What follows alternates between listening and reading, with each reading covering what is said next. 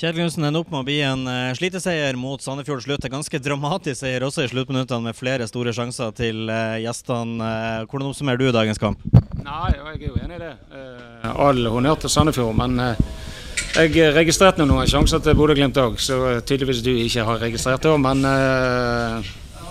det blir en altfor åpen kamp. og når vi leder 2-1 og det blir sånn, så, flytter, så blir det kanskje litt typisk at det blir sånn. Så vi burde, burde og skulle punktert kampen litt før, for vi har store nok muligheter til det. Men det vi gjør i dag, prestasjonen, eh, energien ute på banen, eh, det å jobbe sammen som et lag, eh, det, der er vi ganske langt under toppskåret i dag. Så det er litt skuffende. Men det gledelige er at vi klarer å, å avgjøre og vippe en, den type kamper òg. Det har skjedd eh, to ganger i år at Bodø-Glimt har gått under både før og rundt eh, minuttet spilt. Denne gangen så var det Glimt som gikk opp i føringa etter 17 sekunder av alle mulige ting. Eh, det må jo kjennes deilig? Ja, det var det. Men jeg Det så ikke helt ut som det ga den boosten som vi kunne håpe på. Men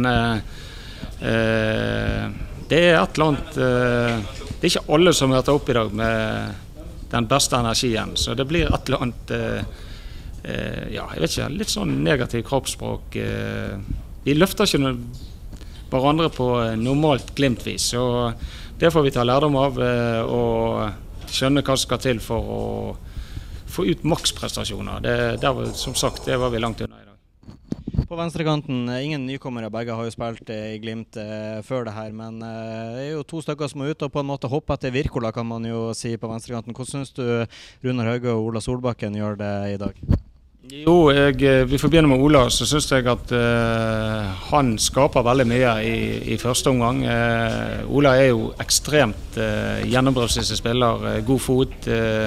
og er jo involvert i, i begge målene og de sjansene vi skaper. og han forsvinner litt av kampen, men det, ut av kampen, men det tror jeg det handler mer at samhandlingsmønsteret vårt forsvinner litt òg. Eh, så en godkjent eh, kamp av han. Runar Runa kommer jo inn med energi, og så må han få tid til å, til å tilpasse seg og akklimatisere seg i forhold til eliteserienivå.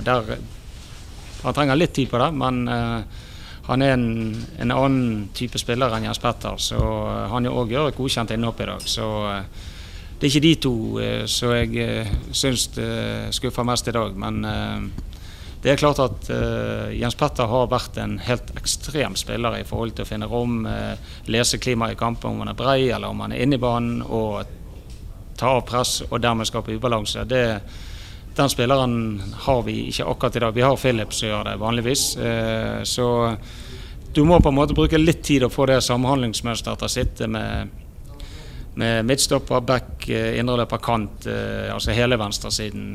og da koble inn de andre spillerne når det er nødvendig å koble dem inn. Så eh, OK i dag på det, syns jeg. Og eh, helt til slutt, eh, ikke lenge igjen av eh, det forlenga overgangsvinduet nå.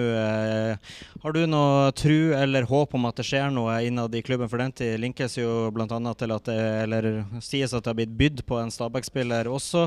Som sagt, tror du eller håper det skjer noe før, før vinduet stenger? Ja, jeg tror det skjer noe. Eh, sannsynligheten for det er stor. Hva og hvem og osv.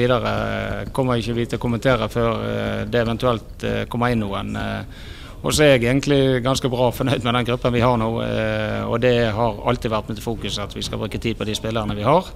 Og får vi inn noe nytt, så skal de eh, komme inn i gruppen og inn i spillestil. Så det vil uansett ta litt tid. Så jeg tror ikke det er det akkurat nå som kommer til å redde Glimt de siste ti kampene. Det er, det er, det arbeidet vi gjør med den gruppen vi har hver eneste dag. Og så trenger vi av og til å røre litt i den gryten for å få opp konkurransen når folk eh, kjenner at de må virkelig stå på hver eneste dag for å være i en, eh, en startelver. Så, så, forhåpentligvis så, så, skjer det noe. Men vi, vi, vi vet ingenting PT. Takk for det, Kjetil, og gratulerer med tre poeng.